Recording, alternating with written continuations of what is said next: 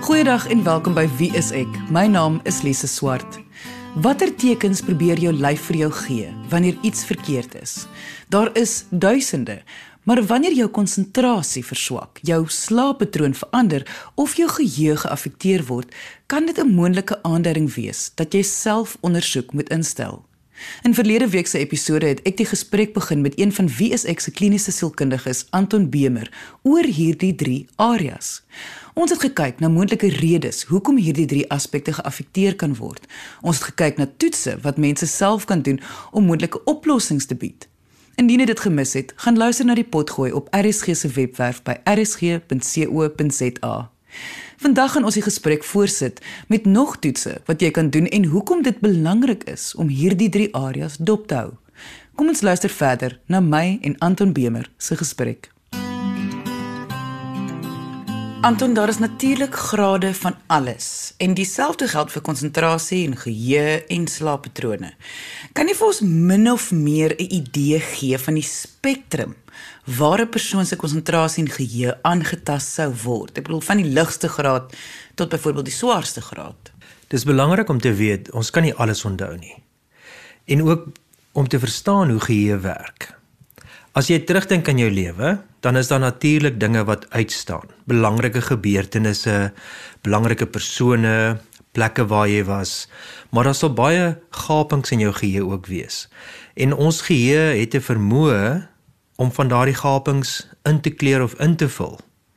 En dis nie noodwendig dat al daardie details feitelik korrek is nie, maar dit is hoe ons geheue werk. En baie keer is mens bekommerd as jy nou nie kan onthou presies wat op 'n sekere dag gebeur het of so nie, maar dit is 'n baie normale ding om te gebeur. As mens dan nou dink in terme van dinge wat moeiliker is om te onthou, dan is dit nou 'n belangrike vers, uh, verskil tussen konsentrasie en geheue. Konsentrasieprobleme is dan maar net die dinge wat oomblik tot oomblik gebeur. Baie keer as ek mense sien wat na my toe kom vir evaluasies omdat hulle bekommerd is oor hulle geheue, dan sal hulle byvoorbeeld sê ek het in die kombuis ingestap en ek kan nie onthou wat ek gaan haal het nie. Ek het duidelik nou vergeet. Maar dis 'n goeie voorbeeld van 'n konsentrasieprobleem en nie 'n geheueprobleem nie. En natuurlik ook 'n ligte konsentrasieprobleem. As jy jou soos wat ek ver oggend gedoen het. Ek het vroeg werk toe gekom en ek het my trouring by die huis vergeet. Nou, dit klink nou na 'n simpel voorbeeld, maar dit is omdat ek nou gefokus het op ander dinge en nie gekonsentreer het op al die dinge wat ek moet saamvat of moet aantrek nie. So weer eens is 'n konsentrasieprobleem omdat ons iets vergeet het. 'n Vergeetprobleem is wanneer ons baie meer spesifieke dinge nie kan onthou nie. Soos byvoorbeeld as jy herhaaldelik daardie konsentrasieprobleem het dat ek nou elke keer dieselfde ding by die huis vergeet. Dan begin ons dink daaraan dat hier is nou 'n sekere patroon wat begin ontwikkel en dit lyk nou 'n bietjie meer as net 'n konsentrasieprobleem. Daar is nou 'n patroon van sekere dinge wat bietjie wegval. Weereens, dit is in die ligter kant daarvan en nie noodwendig problematies nie, want daar kan verskillende redes wees daarvoor. As mens nou begin dink aan wat ernstiger kan wees, kan dit as gevolg van verskillende dinge wees en sommige daarvan is sielkundig, sommige daarvan is biologies en natuurlik moet mens dan ook ander faktore in rekening neem soos byvoorbeeld trauma. Beide emosionele trauma, as jy iets baie sleg sien gebeur het, maar ook fisiese trauma soos byvoorbeeld as jy hartsingskudding gekry het of 'n hoofbesering gekry het, gaan dit moeiliker wees om sekere inligting goed te kan onthou. 'n Voorbeeld mag dalk wees jy's 'n student op universiteit, jy het die naweek 'n rugbywedstryd gespeel, jy het ehm um, jou kop hard gestamp en nou gaan jy klas toe en jy daag by die verkeerde klas op want jy het die dae verkeerd omgeruil. So met ander woorde, daar het jy meer van 'n vergeetprobleem gehad. Die meer ernstige probleme waarmee ons ook werk, is wanneer daar baie meer bekende inligting vergeet word. Jy het nie 'n goeie oriëntasie ten opsigte van kamers in jou eie huis nie. Jy vergeet waarheen om te ry as jy winkel toe gaan. Daardie probleem oorsaak baie meer spanning want dit het nou 'n impak in terme van jou dag tot dag lewe. So die intensiteit is nie net in terme van dat dit groter probleme raak nie, maar dit het ook 'n groter impak op jou en die mense rondom jou. Jy luister na Wie is ek op RSG 100 tot 104 FM. Is daar enige toetse wat iemand self kan doen om hul geheue te toets? Ek bedoel iets wat jy sommer nou met die luisteraars kan doen. Lise voltooi hierdie sinnetjie vir my. Eendag was daar 'n trein na Pretoria. Nou hoe het jy dit geweet? So, jy het dit geweet want jy het dit onthou. Weet as ek iets eenvoudig sê soos Willie Willie Wally, die aapry op die Bali. Daar sê, want dit is liedjies wat ons oor en oor gehoor het, so daardie dinge is baie baie diep vasgelê. En dit is baie interessant hoe ons musiek kan gebruik om dinge nie net alleen goed te onthou nie, maar ook waar mense baie ernstige demensie het musiek gebruik kan word om sekere ou herinneringe en ou emosies weer na vore te bring. So byvoorbeeld dinge te doen soos byvoorbeeld te sing is is goeie oefening. Ehm um, beide van emosionele welsyn maar ook in terme van dat dat mense saam kan lag oor Willie Willie Wally byvoorbeeld. OK. As jy praat wat is 'n oefening wat mense vir hulself kan doen? Wat jy vanoggend jou kar parkeer. Weet om net vinnig terug te dink daaraan. Wat is lekker speletjies om te speel? en byvoorbeeld om 'n pak kaarte te vat en vier kaarte bymekaar te sit en dan net te dink, okay, wag, sit die kaarte neer, wat was daardie vier kaarte gewees? Daar daar's baie dinge wat ons nie kan onthou nie. So as jy vir my vra wat was die laaste motor waarby ek verbygery het vanoggend op pad werk toe? Ek het geen idee nie want dit was nie belangrike inligting gewees nie. So dis moeilik om 'n spesifieke toets te gee wat gaan sê of daar iets fout is of nie. Want dit is maklik dat ons probeer om iets te onthou, soos ek nou gesê het van die motor waarby ek verbyry, wat ek glad nie gaan onthou in elk geval nie. Maar bly by feite wat relevant is tot jou lewe of inligting wat wat lekker is om te onthou. Weet byvoorbeeld wat was die laaste keer wat jy nou 'n lekker maaltyd gehad het en wat was op die spyskaart gewees. Ook as jy jou langtermyntoets, is dit baie maklik om te sê watter skool jy in was want jy het elke dag na dieselfde skool toe gegaan. Maar wie was jou gunsteling onderwyser en wat het dit so spesiaal gemaak? So net bietjie terug te dink aan daardie dinge van die langer termyn verlede. En dit bring nie alleen sekere onderwyser se gesig terug nie, maar daar mag dalk sekere emosies wees om te sê maar hy het die klas so lekker aangebied of hy het hierdie sê ding gehad. Ek onthou toe ek in standaard 2 was, het ek 'n wiskunde wiskunde onderwyser gehad, meneer Wright, en hy het vir ons geleer van dit was iets wat Napoleon gesê het. En as ek dit nou reg het, as mens dit van voor en agter lees, is dit dieselfde sin. Abel was I eer I saw Elba. En Elba was 'n eiland waarna hy verband was. Eer is 'n ou woord in terme van before. So en dit was sulke dinge wat hy in die klas ingebring het wat dit interessant gemaak het. So dis ook om te sê wat was daardie onderwysers? Wat was ander mense in jou lewe wat sekere bydraes gelewer het? En dit is eintlik dan ook 'n toets vir jou langtermyn geheue. Indien jy meer wil weet oor Anton Bemer, kan jy gaan na ons webtuiste by wieisek.co.za. Ek dink heimlik is almal bang vir demensie of Alzheimer. So net soos met konsentrasie en slaappatrone. Wanneer of hoe ernstig moet jou geheue verlies wees vir iemand om waarlik bekommerd te moet wees dat iets dalk moontlik in hierdie rigting verkeerd is? Kom ek gee gou net 'n kort tegniese antwoord. Ons het altyd die kriteria gebruik van ons manual wat die DSM-4 was wat beskryf wat demensie is. Dis baie interessant in die nuwe een wat uitgekom het. Die 5de weergawe praat hulle nie van dementia nie, maar hulle praat van mild neurocognitive disorder of major neurocognitive disorder. So dis heeltemal 'n nuwe kategorie wat gevorm word waar dieselfde tipe probleme beskryf word. En natuurlik is geheue nog steeds in hierdie kategorieë die belangrikste fokuspunt. Jy kan nie regtig behalwe as dit een van die meer uitsonderlike tipe demensies of kognitiewe inkortings is, 'n uh, so 'n diagnose maak sonder geheueprobleme nie. Hoe ernstig moet 'n geheueprobleem wees? Wel dit moet duidelik anders te wees as wat dit van tevore was. Dat ons dalk meer foute mag maak op 'n dag tot dag basis. Dat jy dinge nie meer so produktief doen by die huis of by die werk nie. Dat jy dalk sekere inligting herhaaldelik sê vir mense en nie kan onthou dat jy dit reeds gesê het nie.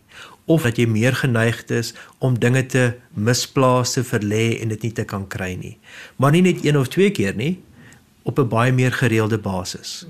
En dit is weer eens om te sê hierdie probleme lyk nou asof dit daar is en deur toetsing wat ek doen kan ek dan die graad daarvan bepaal. En die kwaliteit daarvan, die vermindering in die kwaliteit daarvan kan dan problematies raak. maar dit moet ook weer eens oor 'n tyd lank wees. Dit moet nie net die laaste 2 weke wees of so nie. Ons gesels vandag oor konsentrasie, geheue en slaappatrone en wat dit moontlik kan beteken as een of al drie van hierdie areas se patroon verander.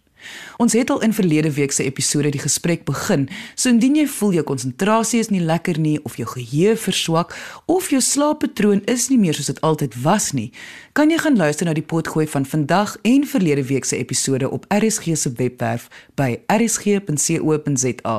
Klik op potgooi, kies wie is ek van die lys wat verskaf word en luister na enige episode in jou eie tyd. Kom ons luister verder na my en Anton Bemer, kliniese sielkundige in die WSX span, se gesprek oor hierdie drie aspekte: konsentrasie, geheue en slaappatroon. Hier is natuurlik ook die twee uiterstes: as jy te min slaap en wanneer jy te veel slaap. Hoe op dese aarde kan te veel slaap nie goed wees vir enige iemand nie?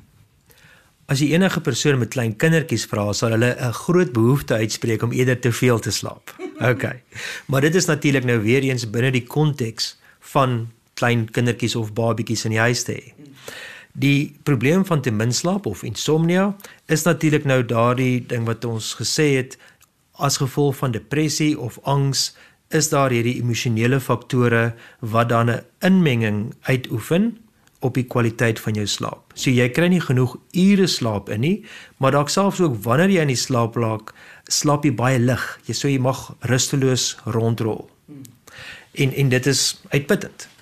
Die meer slaap, hipersomnia, is dat daar net nie krag is om op te kom in die oggend nie. Daar is net 'n gevoel van ag, oh, dit is nou net te te moeg om op te staan en byvoorbeeld klas toe te gaan of om sekere dinge te doen.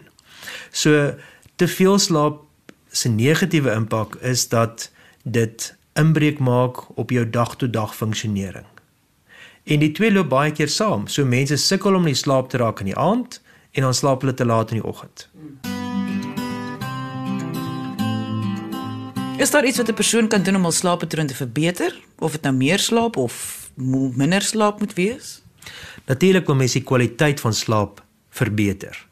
En As dit regtig 'n ekstreme probleem is, gaan mens kyk na medikasie wat dit kan aanspreek om 'n persoon weer terug te kry in 'n gesonde patroon van slaap.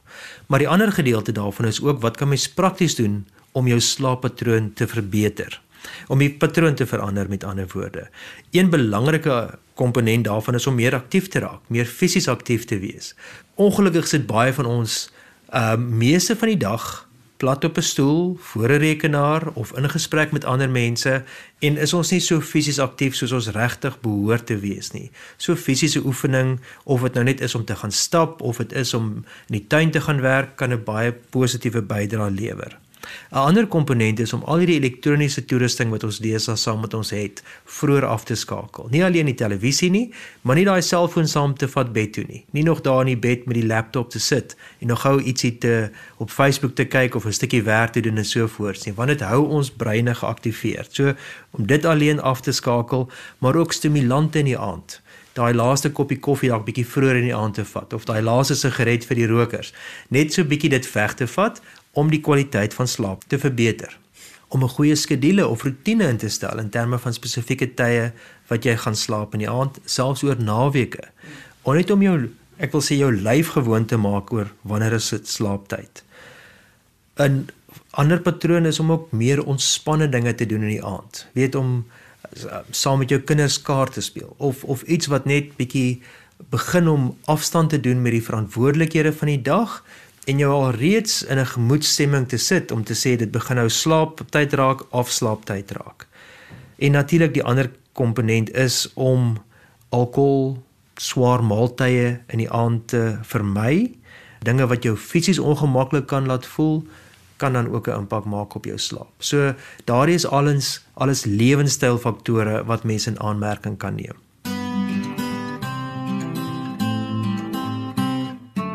Is daar 'n toets wat iemand kan doen om te kyk hoe effektief hulle konsentreer. Want in baie gevalle besef mense nie altyd hul konsentrasie is eintlik nie so goed nie.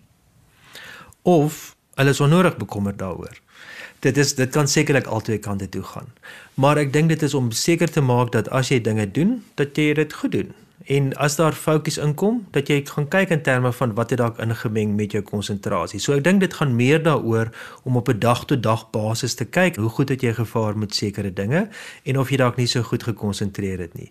Die die toetse wat mens doen daarvoor verg inspanning. Dit vat dinge wat jou stimuleer. So met ander woorde, as jy in 'n uh, pad afstap om te sê kom ek tel dalk hoeveel straatligte is daar en dan vra ek my later weer hoeveel straatligte het ek gesien. Dis 'n baie oorvereenvoudigde voorbeeld. As jy in die motor ry om te sê hoeveel rooi motors sien ek en net te kyk daarop. Nou nie nie karre tel en nie kyk waar jy ry nie, maar met ander woorde, dit is net ander woorde vir jouself sulke uitdagings te gee. Ander voorbeelde kan net wees om soos ehm um, jy weet jy kan dit op jou eie doen of saam met ander mense van jou gesin of so doen, iets op te noem So, weet ons het baie keer op 'n Sondagoggend ek en my vrou en die twee kinders in die bed en dan sê ons, "Oké, okay, kom ons kyk watter lande ons kan opnoem in die wêreld of watter soort honde ons kan opnoem." Nou moet jy nie alleen dink in terme van watter soort honde ken ek nie, maar ek mag nie iets sê wat iemand anders al gesê het nie.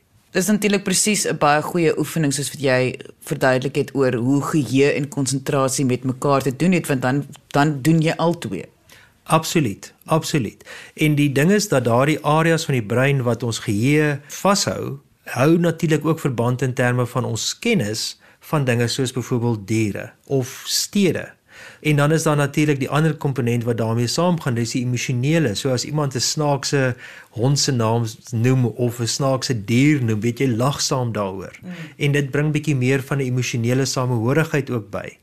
En dit is baie lekker om dit te doen, maar dit is 'n baie goeie toets om te sê, "Oké, okay, jy het nou 'n fout gemaak, jy het dit herhaal, so jy is uit die speletjie uit." Jy luister na Wie is ek op RSG 100 tot 104 FM.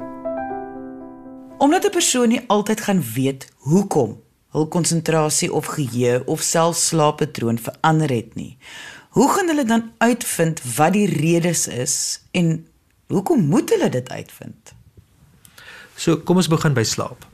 Slaap is 'n baie belangrike deel van ons daaglikse lewe. Slaap help ons liggame om die temperatuur te reguleer, maar ook om energie te bewaar. Want as ons die hele tyd net aan die loop en die werk en so voort is, gaan ons binnekar net omval. OK. So die slaapgedeelte daarvan is baie belangrik vir dag-tot-dag lewe. Maar ek dink die ander twee gedeeltes ook die konsentrasie en die geheueprobleme, ehm um, is dit nodig om te kyk en te vra vir die mense rondom jou. Weet ek voel so of onseker van myself. Ek dink soms onthou ek dinge nie so goed nie. Weet is dit dinge wat jy opmerk as jy gemaklik is natuurlik om dit te vra. Ehm um, en dan kan mens ook kyk in terme van jou eie funksionering of jy dink daar dalk veranderinge gekom of die patrone verander het daarmee. En dis baie goed om dalk met 'n huisdokter te gaan praat as jy bekommerd is daaroor, want weer eens is daar sekere fisiese dinge wat 'n invloed kan hê daarop. 'n Tweede stap kan wees om 'n meer gespesialiseerde persoon kan te te gaan sien. En dit mag weer eens 'n mediese persoon wees soos 'n neuroloog of 'n psigiater. Wat ek ook doen is om neurosielkundige evaluasies te doen met met mense. Dis 'n proses waar ons kyk na funksies soos geheue, taal en uitvoerende funksies om seker te maak dit is op die standaard wat dit van tevore was vir jou. Vir jou ouderdom en ook in terme van die tipe beroep wat jy gedoen het of nog steeds doen en of daar dalk probleme was. So ons kyk dan na geheue taal, funksies wat te doen het met beplanning en organisering om seker te maak dit is in plek soos wat dit moet wees. Hoekom dit dan gedoen moet word is om seker te maak daar daar nie dalk 'n fout mag wees nie. Nou vir so baie mense wat ek sien, kan ek na die tyd sê, weet jy wat, ek dink jy vergeet 'n bietjie, maar dit is as gevolg van sekere emosionele dinge wat daar dalk aandag gegee moet word aan of ons moet daar kyk in terme van sekere van die fisiese dinge dat daar nie dalk iewers 'n tekort is dat jy bietjie vitamiene B moet kry of so voorts nie die dokter gaan dalk jou skildklier moet toets um, net om seker te maak dis in plek maar daar is ook die diegene wat wel meer ernstige probleme het soos 'n vorm van demensie soos byvoorbeeld Alzheimer se siekte of ander tipe dementias en dan moet mens meer kyk hoe gaan mens daarmee te werk want dit verg net 'n beplanning vir die onmiddellike toekoms nie maar ook vir die langer termyn toekoms Ons almal ken Alzheimer, maar dit is net een van die kategorieë van demensie. So wat presies is demensie? So demensie of uh, neurocognitive impairment, wat die nuwe titel is wat gebruik word, is met ander woorde 'n ongelukkig siekte. Dit is iets wat soos Parkinson se siekte ook die brein affekteer. Dit maak dat daar sekere verbindings nie so goed werk nie as gevolg van van die kom ons net noem dit maar die telefoondrade in die brein wat inligting versprei wat afbreek of in mekaar gevleg raak. En geheue is natuurlik die grootste komponent daarvan. En ook selfs as iemand 'n diagnose ontvang van so iets, dit beteken nie nou dat môre die die trein stop nie. Dit beteken dat daar waarskynlik oor 'n langer tydperk aandag gegee gaan moet word in van hoe hierdie persoon ondersteun kan word, maar ook baie belangrik om die positiewe dinge meer te maak, die kwaliteit van lewe eienskappe. So demensie is 'n kombinasie van geheueprobleme, taalprobleme, daar's probleme met beplanning en organisering wat wat die lewe net 'n bietjie meer gekompliseerd maak. En dit is ongelukkige progressiewe siekte. So met tyd is dit iets wat erger word. En daarom kyk ons na dinge soos byvoorbeeld aan die een kant medikasie om daardie progressie uh, 'n uh, handrem op te trek dat dit so stadig as moontlik gemaak kan word, maar aan die ander kant ook in terme van die sosiale en emosionele ondersteuning vir daardie persoon. Baie van die mense wat nou hierna luister, gaan as gevolg van hul eie patrone wat dalk onlangs verander het, bang wees dat iets ernstig dalk verkeerd is.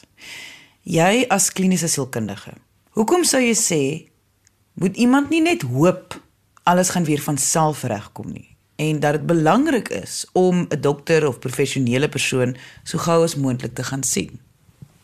As my motor olie lek en ek sien dit word groter, gaan dit nie net van self regkom nie. En ek weet ek is nie kundig genoeg om dit self reg te maak nie. So ek sou graag eerder die opinie van 'n professionele persoon wil kry om dit reg te maak. OK? En dit mag dalk net 'n klein wassertjie wees of iets wat vervang moet word. Dit is nie noodwendig 'n groot probleem nie. Ek dink met hierdie tipe dinge, daar is natuurlik 'n angstigheid om iemand te gaan sien daaroor. Soos wat dit is om oor enige mediese probleem te gaan raad vra. Maar die teendeel daarvan is dat as mens te lank wag, kan dinge aanbeweeg tot by 'n punt waar dit moeiliker is om kwaliteit intervensies in te stel. As as mens heeltemal 'n ander voorbeeld vat, iets soos kanker byvoorbeeld. Hoe gouer mense dit kan diagnoseer, hoe gouer kan mense 'n proses in plek stel om dit aan te spreek. As mens te lank wag, mag die kanker so versprei dat die intervensies baie meer beperk mag wees. Dieselfde gaan oor hierdie tipe probleme. As daar wel geen probleme is nie. Wat ons ten minste het is wat ons sê 'n baseline reading. So ons weet waar hierdie persoon nou funksioneer en as ek daai persoon weer oor 2 jaar of oor 5 jaar of oor 10 jaar weer sien, kan ons altyd terugverwys na die toetsing wat ek nou gedoen het. As dien daar wel 'n probleem is en dien daar wel inkorting van een of ander aard is, kan ons dan sê, oké, okay, dit lyk of hier 'n probleem is. Wat is die probleem? Hoe het dit 'n impak op jou dag-tot-dag -dag lewe en belangrik wat maak ons daarmee? Die ander aspek daarvan, dit gaan nie net oor die individu hier nie. Dit gaan ook oor hulle gesin en familie. Want dit is dalk dinge waaroor ander mense ook bekommerd is en om antwoorde te kry of dit goeie nuus is en of ons dalk wel 'n probleem optel, kan nie net vir jou uh, onsekerheid wegvat nie, maar kan ook ook vir hulle help in terme van om te hanteer wat dalk sleg mag wees. Nie noodwendig nie, maar mag wees. Indien jy enige vrae het oor vandag se onderwerp, kan jy ons kontak deur ons webwerf by wieisek.co.za of kom gesels saam op ons Facebookblad onder wieisek.sa. Dankie dat jy vandag ingeskakel het. Ons maak weer so volgende Vrydag 0.30 net hier op RSG. Jy moet 'n heerlike naweek hê en onthou, kyk mooi na jouself.